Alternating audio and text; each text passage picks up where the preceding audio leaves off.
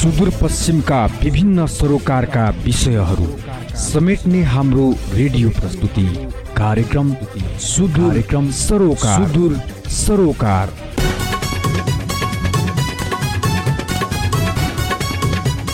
चाहे कला होस् या राजनीति संस्कृति होस् वा अर्थतन्त्रमाथिको खुल्ला बहस कार्यक्रम सुदूर सरोकार बिहान आठ बजेको सुदूर हाइलाइट्स पछि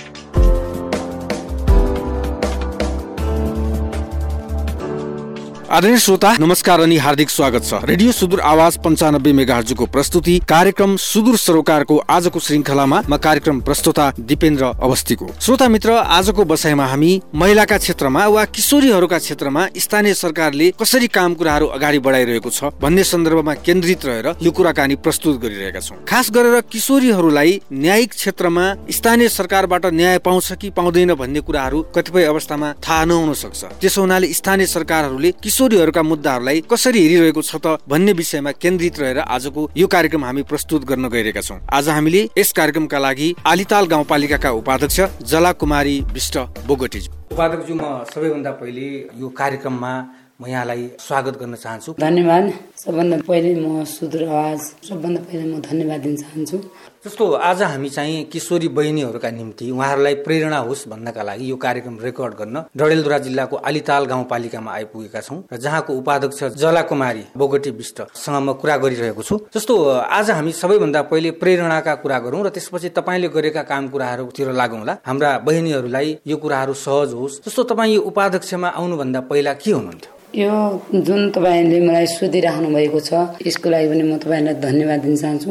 योभन्दा पहिले म आलिताल गाउँपालिका को भनौँ यही आठ नम्बर पहिलेको पुरानो पाँच नम्बर र अहिलेको आठ नम्बर ती वडाबाट म एउटा सानो काम भनौँ सामुदायिक औषधि कार्यक्रम भन्ने स्वास्थ्य चौकीबाट कार्यक्रम थियो। त्यो कार्यक्रममा म बिल काट्न भनेर त्यो स्वास्थ्य चौकीमा छनौट भएको थिएँ। त्यसपछि लगतै म दुई माघ छब्बिस गते। चाहिँ म यो डडेलधुरा जिल्लाको जुन बहुद्देश्य विकास सभा डडेलधुरा एमपिडिएस भन्ने संस्था छ त्यो संस्थाले मलाई सामाजिक परिचालकमा नियुक्ति गरेको थियो र मेरो लामो अनुभव जुन छ मैले झन्डै झन्डै आठ नौ वर्षको प्रेडमा समाज प्रचालक भएर काम गरेको थिएँ। र आलिताल गाउँपालिकाको त्यतिखेरका नौवटै वडा थियो। त्यो वडामा गएर गरिब निमुखा र तल्लो वर्ग भन्ने जो छ तिनीहरूको लागि मैले बनाउने गर्ने कार्यक्रम जुन त्यो एमपिडिएस बहुद्देश्य विकास समाजले गरिबी न्यूनीकरण सम्बन्धी कार्यक्रम जुन प्रोग्रामको थियो त्यसमा मैले लामो समयसम्म काम गरेर यहाँको जुन दिदीबहिनीहरू हुनुहुन्थ्यो र जुन घरबाट ननिस्केका दिदीबहिनी हुनुहुन्थ्यो जो गरिब बस्ती थियो जो जनजाति बस्ती थियो जो भनौँ नि पिछडा वर्ग थियो उहाँहरूको मैले एउटा घर दुरी सर्वेक्षण गरेर उहाँहरूको लागि बाख्रा पालन कार्यक्रम इन्फाका कार्यक्रम जस्तै स्कुल बिल्डिङहरू भयो खानेपानीमा थुप्रो काम गरेका थियौँ र मेरो लगानी चाहिँ यो सामाजिक परिचालक भएर आलताल गाउँपालिकामा लामो समयसम्म मैले काम गरेँ। अब यसमा चाहिँ तपाईँ अब राजनीतितिर आउनुभयो होइन? नेपाली काङ्ग्रेसको राजनीति सक्रिय राजनीतिबाट तपाईँले उपाध्यक्ष पदमा जित्नुभयो। खास गरेर राजनीतितर्फ चाहिँ कसरी आउनुभयो? म राजनीतितर्फ भन्नाले मेरो पृष्ठभूमि भन्यो भने म पहिलेदेखि नै म विद्यार्थी जीवनदेखि नै म नेभी सङ्घको बझाङ नेभी सङ्घमा केदार उच्च मावि अहिलेको छ। त्यसबाट म नेभी सङ्घको सदस्य पनि भए र त्यहाँको सदस्य पनि भएर मैले त्यो जिल्लाबाट नै पहिले नै मैले काम गरिरहेको थिएँ। त्यतिखेर जो कि म नेपाली कङ्ग्रेस भन्ने चाहिँ मेरो भनौँ बुवाहरू पनि नेपाली कङ्ग्रेस नै थिए। त्यतिखेर मेरो बुवा वडा सदस्य पनि जित्नु भएको थियो चौपन्नको निर्वाचनमा। र मैले घर परिवारको जुन थियो भनौँ त्यो मलाई त्यही नै माया लागेर म स्वतन्त्र भएर बोल्ने स्वतन्त्रता बनाउने एउटा हामीले जे कुरा राखे पनि राख्न पाउने त्यस्तो घरको माहौल देखेर मैले नेपाली कङ्ग्रेस मन पराएँ र म लामो समय त्यहाँ नेविसम्म रहेर पनि काम गरेँ। मलाई त्यसरी नेपाली तपाईँको बझाङ माइती घर हो? मेरो माइती घर चाहिँ बझाङ। अहिलेको बुङ्गल नगरपालिका मा पर्छ देउलीकोट नै। अनि तपाईँको यतातिर पनि नेपाली कङ्ग्रेसतिरै आस्था मिल्यो कि? वा तपाईँ उतै चाहिँ नेविसँगमै राजनीति गर्दै गर्दा यहाँ आएर पनि त्यसको प्रभाव पर्यो खासमा? होइन मेरो उता पनि म नेपाली कङ्ग्रेसको नै भएर भनौँ नि आफ्नो आएको थिएँ र मेरो घर परिवार आमा बुवा भनौँ दाजुभाइ। अहिलेको जुन नगरपालिकाको मेयर हुनुहुन्छ उहाँ मेरो अहिले हजुरबुवा पढ्नुहुन्छ। उहाँ पनि अहिले पनि नेपाली कङ्ग्रेस नै भनेर जितेको थियो त्यो जुन बुङ्गल क्षेत्र थियो बझाङको त्यहाँ हामी भनौँ नि एमाले माओवादी भन्ने त हामीले चिनेकै थियौँ त्यतिखेर र माओवादी भन्दा त सधैँ थिएन। र हामीले जुन व्यक्तिलाई मन पराएको थियौँ तर हामी कङ्ग्रेस थियौँ। तर कङ्ग्रेसको मान्छेले टिकट नपाइसकेपछि त्यो एउटा व्यक्ति स्वतन्त्र उम्मेद्वार हुनुभएको थियो जो कि त्यतिखेरको अहिले खेलकुद तथा राज्य मन्त्री पनि हुनुभएको थियो नरेश बहादुर सिंह भन्ने। र उहाँले गरेका थुप्रो कामहरूलाई पनि हामीले मन पराएका थियौँ। किनभने उहाँ एउटा सिंहको छोरा भएर जो थियो कि त्यतिखेरका सिंहहरूले जुन तल्लो जाति भन्ने थियो उनीहरूलाई भने दलित जाति भनेर चिनिन्छन् त्यतिखेर तिनीहरूलाई शोषण गरेर भनाउने दबाव गरेर उनीहरूले उनको त्यहाँको ठकुरी बस्दै बाहिर पनि ननिस्किने अवस्था थियो। त्यतिखेर उनी एउटा सिंहको छोरा भएर पनि त्यहाँको समुदायलाई ल्याएर आफूले नै सबभन्दा पहिले हलो जोते।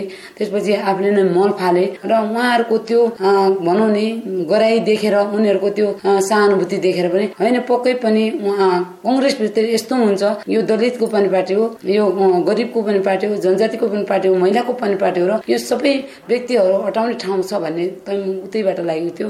र यहाँ आएर पनि म डडेलधुरा जिल्लामा पनि अब देखेँ मेरो घर परिवार पनि नेपाली कङ्ग्रेसमा नै अवस्था आस्थामान हाम्रो कार्यक्रमको उद्देश्य चाहिँ कुनै राजनीति भन्दा पनि तपाईँको राजनीतिक सङ्घर्ष के हो भन्नेतिर हामी जाँदैछौँ। हाम्रा बहिनीहरूले यो कुराहरू थाहा पाउन् भन्नका निम्ति। तपाईँले चाहिँ जस्तो अब एउटा पार्टीको व्यक्ति भएर चिनिसके पछाडि होइन त्यस पछाडि के खालका सङ्घर्षहरू गर्नु पर्यो कि यसमा पनि केही त्यस्तो छ? म यसमा सङ्घर्षका कुराहरू त अब सङ्घर्ष त मान्छेले गरे नै नगरेर केही पनि हुँदैन। सङ्घर्ष त गर्नु नै पर्छ। तर जुन अहिले यो मलाई उपाध्यक्ष पदमा जिताएर यहाँको जनताले मलाई जुन यो पद दिएको छ यस पदको लागि म सम्पूर्ण व्यक्तिजनहरूलाई म धन्यवाद पनि दिन चाहन्छु। किनभने एउटा म गरिब घरको महिला म एउटा एसएम भएर बनाउने काम गरेर जुन उहाँहरूले मेरो मूल्याङ्कन गरिदिनु भयो मूल्याङ्कन गरेर अहिले मलाई यो गरिमा पदमा राखिदिनु भयो यो सबभन्दा पहिले त म यहाँको आम जनताहरूलाई धन्यवाद दिन चाहन्छु र यस सङ्घर्षको कुराहरू गर्दै जो भन्नुभएको छ सङ्घर्ष भनेको सानो कुराको लागि पनि गर्नुपर्छ ठुलो कुराको लागि पनि गर्नुपर्छ। तर राजनीतिमा सङ्घर्ष मैले जुन धेरै ठाउँमा भयो टिकटको लागि दौडधुप गर्नु पर्यो साथीहरूले तेरो मेरो भन्ने तानाखिची भयो। तर मैले राजनीति अहिले म गर्दैन भन्दा भन्दा पनि जुन यो अहिले तालको भनौँ नि जिल्लाका जुन काङ्ग्रेसजनहरूले मूल्याङ्कन गरेर मलाई टिकट दिनुभयो मैले यसको लागि पनि म सम्पूर्ण व्यक्तिलाई धन्यवाद दिन्छु। र टिकटको लागि मैले पाउनुपर्छ भने मैले सङ्घर्ष गरिनँ। मलाई सुर्ता टिकट दिनुभएको थियो। र टिकट पाइसकेपछि पनि हामीले अलि टिकट पनि ढिला नै पायौँ। र अलि भनौँ नि जुन प्रसार प्रसार गर्ने माहौल थियो त्यो पनि थोरै दिन पाएका थियौँ। त्यति गर्दा गर्दै पनि यहाँको जनताले पत्याएर भनौँ यहाँको दिदी बहिनीहरूले किशोर बाल बालिकाले जुन जुनसुकै पक्षबाट पनि मलाई सहयोग गरेर जिताउनु भयो। मलाई त्यति सङ्घर्ष गरे जस्तो लाग्दैन। तर अलि भनौँ नि त्यही सङ्घर्ष भन्नाले अब होटबाजी नै गर्ने कुराहरू त्यस्तो थिएन जस्तो लाग्छ। अब तपाईँ यो ठाउँमा हुनुहुन्छ। न्यायिक समितिको पनि संयोजक हुनुभएको छ। अहिले नेपालको संविधानले तपाईँलाई धेरै कुराहरूको अधिकार पनि दिएको छ। खास गरेर एउटा महिला नै तपाईँ हुनुहुन्छ र महिलाका धेरै पीडाहरू छन् किशोरीहरूका समस्याहरू समाधानका कुराहरूतिर लाग्छौँ। तर जस्तो तपाईँहरूले विभिन्न खाले कार्यविधिहरू बनाउनुहुन्छ। बाल विवाह त नेपालको संविधानले पनि नगर्ने भनेको छ। त्यसका लागि तपाईँले धेरै आफैले चाहिँ छुट्टै कानुन बनाइराख्नु परेन। तर किशोरीहरूमा अहिले निकै ठुला समस्याहरू पनि आएका छन्। ती समस्याहरू समाधान गर्ने कुराहरूतर्फ चाहिँ के तपाईँले गाउँपालिकाको तर्फबाट कार्यविधिहरू बनाउनु भएको छ कि? वा तपाईँ कहाँ किशोरीहरूका मुद्दाहरू आउने गरेका छन् कि छैनन्? अहिलेसम्म आइलेताल गाउँपालिकामा किशोरीहरूको मुद्दा त्यति मैले भेट्टाएको पनि छैन। र त्यस्तो कुराहरूको अहिले त्यस्तो पनि देखा जस्तो लाग्दैन। होला अन्य ठाउँमा होला तर किशोरीहरूको त्यति केसहरू चाहिँ आएको छैन। र अलि कहीँनिर यस्तो हुन्छ महिनावारीको समस्या लगेर आउँछन्। भनौँ नि छुवाछुतको यस्तो भयो हामीलाई अलि अप्ठ्यारो भयो भन्ने कुराहरूको कहिले काहीँ लेखिँदै नआएर मौखिक कुराहरू आउने चाहिँ गरेको छ। तपाईँले धेरै मुद्दा त हेर्ने अधिकार छैन र पनि त आइराखेका हुन्छन् होइन? तर किशोरीहरूका मुद्दाहरू किन आउँदैनन्? स्थानीय सरकारले त्यसलाई अवनत्व गर्न नसकेको कि प्रचार प्रसार हुन नसकेको कि वा किशोरीहरूमा कुनै समस्या नै नभएको? के हुन्छ? मलाई लाग्छ अब जुन आलताल गाउँपालिकामा आउने मुद्दाहरू दुई प्रकारका हुन्छन्। होइन एउटा देवानी मुद्दाहरू अर्को फौजदारी मुद्दा हुन्छ। जुन मेरो क्षेत्राधिकारभित्र परेका मुद्दाहरू हुन्। त्यो मैले दर्ता गर्न र मैले चिनफाना गर्न पाउँछु र क्षेत्राधिकारभित्र नपरेका मुद्दाहरूलाई मैले हेरे तापनि दर्ता गर्न मिल्दैन र त्यसलाई हामीले सम्बन्धित ठाउँको लागि पठाउनुपर्छ। र किशोरीहरूको लागि जुन किशोरी बहिनीहरू हुनुहुन्छ उहाँहरूको केसको लागि अहिलेसम्म भनौँ नि यस्तो बाल विवाहका कुराहरू आएका होलान् त्यो बाल विवाहका कुराहरूमा चाहिँ मैले मेरो क्षेत्र अधिकारभित्र नपुर्याउन मैले बाहिर रेफर गरे हुँला। र त्यो अब बहुविवाहमा पनि कता कता किसिमहरू जोडिएका छन्। अब त्यो अब सबै कुराहरू भन्नुपर्ने र गर्नुपर्ने हुँदैन। केही गोपनीयताको कुराहरू भन्छन्। र कतै कतै अब नभन्ने कुराहरू पनि छन् बोल बोल्नु भन्ने समस्या पनि हुन्छ। र अहिले धेरै बहिनीहरू किशोरी बहिनीहरूले फोनको भरमा विवाह गरेर जुन अहिले गर्भवती भएर आउनुभएको छ त्यो पनि केसहरू देखिएको छ। कता कता अब नाम किटानी गर्न मिल्दैन मैले। र उहाँहरूलाई अहिले कस्तो परिरहेछ भने एउटा बच्चाको जन्म दर्ता अब बाबु चाहिँ कसलाई भन्ने? जन्म दर्ता गर्नु पनि समस्या। फेरि आफू पनि बिचरा ती किशोरी बहिनीहरू उमेरले पनि कमै उमेरको सोह्र सत्र वर्षको उमेर छ। उनीमा त उनीहरूको ज्यानै नै खतरा छ। त्यहीमा पनि बच्चा भएको छ र लगेर अल्पत्र छोडेर फेरि फर्केका पनि छन्। र उहाँहरूले फेरि आएर गार्जेनहरूले जिम्मा लागेको छ र निवेदन त त्यस्तो परेको छैन। त समस्या चाहिँ यस प्रकारको धेरै ठाउँमा छ। तपाईँकोमा पनि छ र अरू ठाउँमा पनि दिन प्रतिदिन यस्ता समस्याहरू आइरहेका छन्। उनीहरूमा चाहिँ यौनजन्य दुर्व्यवहारका कुराहरू छन् होइन? अनि जस्तो उनीहरूलाई एउटा सिकाइको कुराहरू हुन्छ नि। जसलाई हामी अब तपाईँले लामो समयसम्म एउटा एनजिओमा पनि काम गर्नुभयो सहजकर्ताका रूपमा पनि तपाईँले रहनुभयो होइन? उनीहरूलाई एउटा सामान्य कुरा पनि एउटा राम्रो छुवाई के हुन्छ नराम्रो छुवाई के हुन्छ गुड टच ब्याड टचका कुराहरू हुन सक्छन् होला। सामान्यतया कुन मान्छेले फसाउनु खोज्दैछ यो बारेमा सचेत रहनका लागि के गर्नुपर्छ भन्ने खालको कार्यक्रमहरू पनि के गर्नु भएको छ वा तपाईँ आफैले पनि? त्यस्तो कार्यक्रमै लगेर कार्यक्रमै त अब गरिया छैन जस्तो लाग्छ मलाई किनभने आफैले पालिकाले चलाएको छैन। किनभने जति कुरा हामीले गऱ्यौँ त्यति कुरा बोल्नुपर्छ र ती कुराहरू भन्नुपर्छ। किशोरीहरूको लागि त किशोरी समूहहरू छ। उहाँहरूलाई हामीले ओरिएन्टेसन दिने कुराहरू त गरेका छौँ। तैपनि अझै कतै कता पुगे जस्तो लाग्दैन मलाई। अझै पनि जति हामीले भन्नुपर्ने हो जति हामीले गर्नुपर्ने हो ती कुराहरू समुदायमा अझै पनि गहिरेर नपुगे जस्तो र कमी कमजोरी भए जस्तो लाग्छ मलाई। अब विद्यालय क्षेत्रमा पनि महिनावारी हुँदाखेरि वा त्यस्तो उमेरको बहिनीहरू जुन स्कुलमा पढ्नुहुन्छ त्यहाँ चाहिँ उनीहरूको शौचालयका कुराहरू महिलाको पुरुषको छात्र छात्राको अलग हुने उनीहरूलाई सेनिटरी प्याडको व्यवस्था हुने र उनीहरूलाई चाहिँ त्यो महिला मैत्री वातावरण हुने बढीभन्दा बढी हुनुपर्छ भन्ने खालको चाहिँ विद्यालयको वातावरणलाई कसरी व्यवस्थित गर्नु भएको छ? यसको लागि त नेपाल सरकारले पनि अहिले सेनिटरी प्याडको व्यवस्था गरेको छ र आलताल गाउँपालिका पनि यसको लागि सधैँ तत्पर रहनेछ र गरेका पनि छौँ। र महिनावारी मर्यादित महिनावारी व्यवस्थापन भन्ने एउटा कार्यक्रम नै मैले भनौँ न आरबिडब्लु आरएमपी र गाउँपालिका मिलेर गरेका छौँ। यसमा हामीले सेनिटरी प्याड उत्पादन गर्न भनेर दुईजना दिदीबहिनीहरूलाई पनि मैले प्रशिक्षक रूपमा दुईटा बहिनीहरू तयार गरिसकेको छु। र प्रत्येक टोलबाट बस्तीमा गएर तिनीहरूले आमा समूहमा गएर सेनिटरी प्याड उत्पादन गर्ने र ती स्कुलहरूमा पुर्याउने भनेर पनि एउटा कार्यक्रम छ। र प्रत्येक स्कुलमा जुन अब यो प्राविमा हुने कुरा त छैन। जुन निमावि र माविमा चाहिँ यस्तो कुरा छन्। र यसको लागि आलताल गाउँपालिकाले प्रत्येक स्कुलमा यो महिनावारी व्यवस्थापन सम्बन्धी कार्यक्रम थुप्रो गरेको छ। सेनिटरी प्याडका कुराहरू भए र जुन शौचालय छ नि महिलाहरूको लागि छुट्टै व्यवस्थापन भनेर माविमा हामीले सम्पूर्णमा बनाइसकेका छौँ। कतै कतै दुईटा स्कुल होला त्यसमा पनि अहिले नयाँमा हामीले कार्यक्रम गर्न सुरु गरेका छौँ। यसको लागि त्यति समस्या छैन जस्तो महिनावारीको लागि अब त्यति समस्या छैन जस्तो लाग्छ। अब उपाध्यक्षज्यू हामीले तपाईँको अलि सङ्घर्षको कुरा गऱ्यौँ र अलि तपाईँले चाहिँ नि गरेका काम कुराहरूको बारेमा गऱ्यौँ। अब सामाजिक दृष्टिकोण जुन छ किशोरीहरूमाथि हेर्ने दृष्टिकोण जस्तो पुरुषहरूसँग वा अरूसँग जानै हुँदैन कि सङ्गतै गर्नु हुँदैन कि वा गर्नुहुन्छ कि के छ? त्यो सन्देश के छ? पुरुष र छोरा मान्छेसँग महिलाले जाने नजाने भन्ने त म लाग्दैन। किनभने जुन व्यक्ति एक अर्का भनौँ न एकअर्काको निर्भर एकअर्काको विश्वास हो। जसले विश्वास राख्न सक्छ विश्वास छ भने त्यो जान सकियो। यदि विश्वासै छैन विश्वास गर्नु सक्यो भने नजानु पनि सक्यो। त्यसको लागि ठोको गर्न सकिँदैन।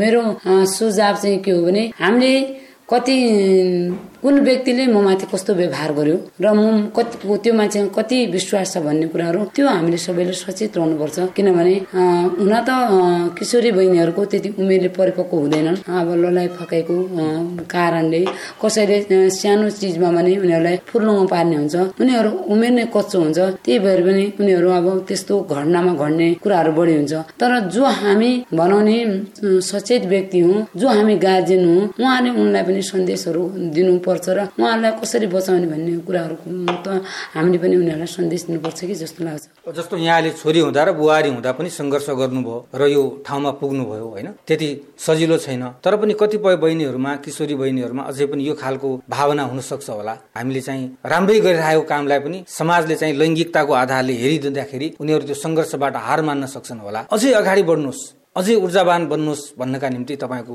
बलियो सन्देश के छ? म यहाँनिर सम्पूर्ण तिनी किशोरी बहिनीलाई के भन्न चाहन्छु भने तपाईँहरू आफूले गर्न सक्ने काम के हो त? पहिले त हामीले उनको कार्यक्रम राखेर उहाँहरूबाट बुझ्नु पर्यो। अहिले म यहाँबाट बलियो के हुन्छ भन्ने कुराहरू ठ्याक्कै भन्न सक्ने अवस्था हुँदैन। योभन्दा पहिले हामीले सम्पूर्ण टोल बस्ती या विद्यालयमा गएर पनि तिनीहरूको कुरा सुनेर कुरा सुनेर उहाँहरूको ग्यादरिङ गरेर उनी माझमा राखेर तपाईँहरूलाई कुन समस्या छ?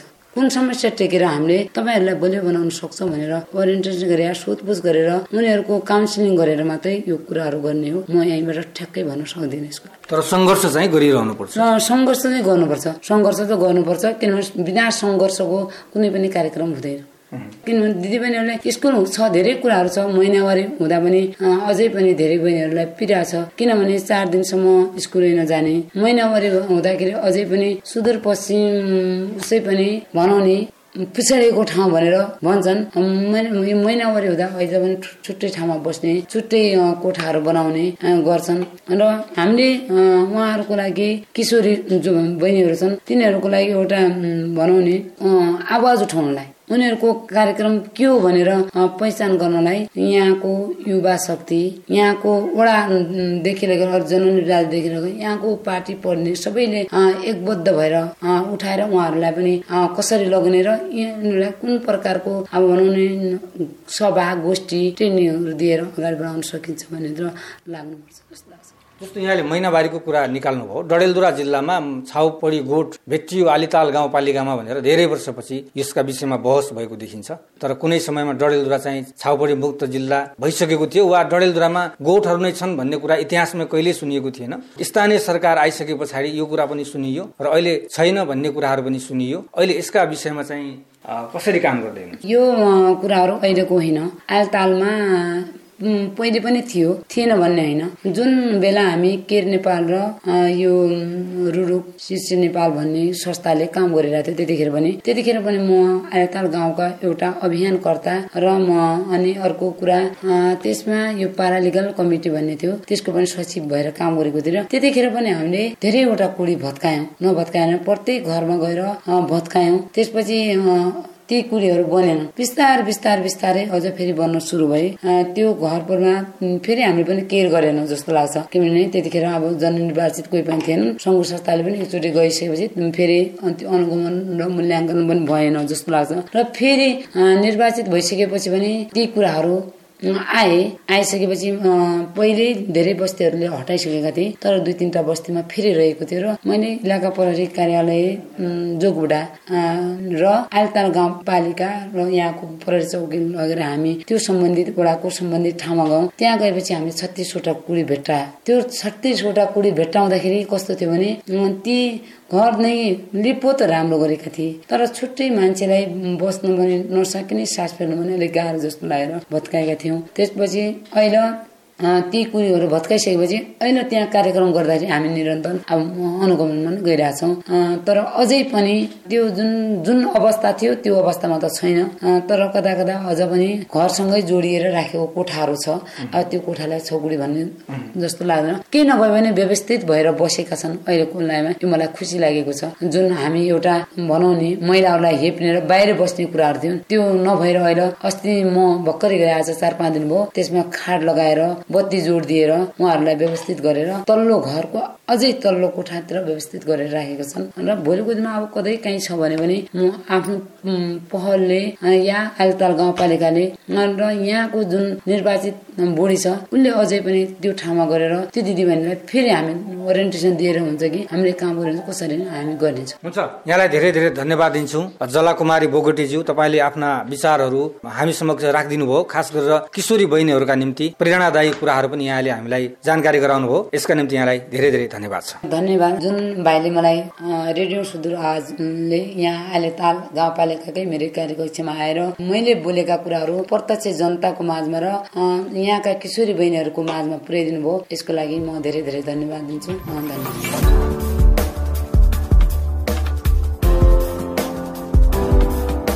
उहाँ हुनुहुन्थ्यो आलिताल गाउँपालिका डडेलधुराका उपाध्यक्ष जलाकुमारी विष्ट बोगटी। आदरणीय श्रोता आजको लागि हाम्रो कार्यक्रमको निर्धारित समय सकिने लागेको छ। कार्यक्रमबाट म दिपेन्द्र पनि विदा हुन्छु। नमस्कार।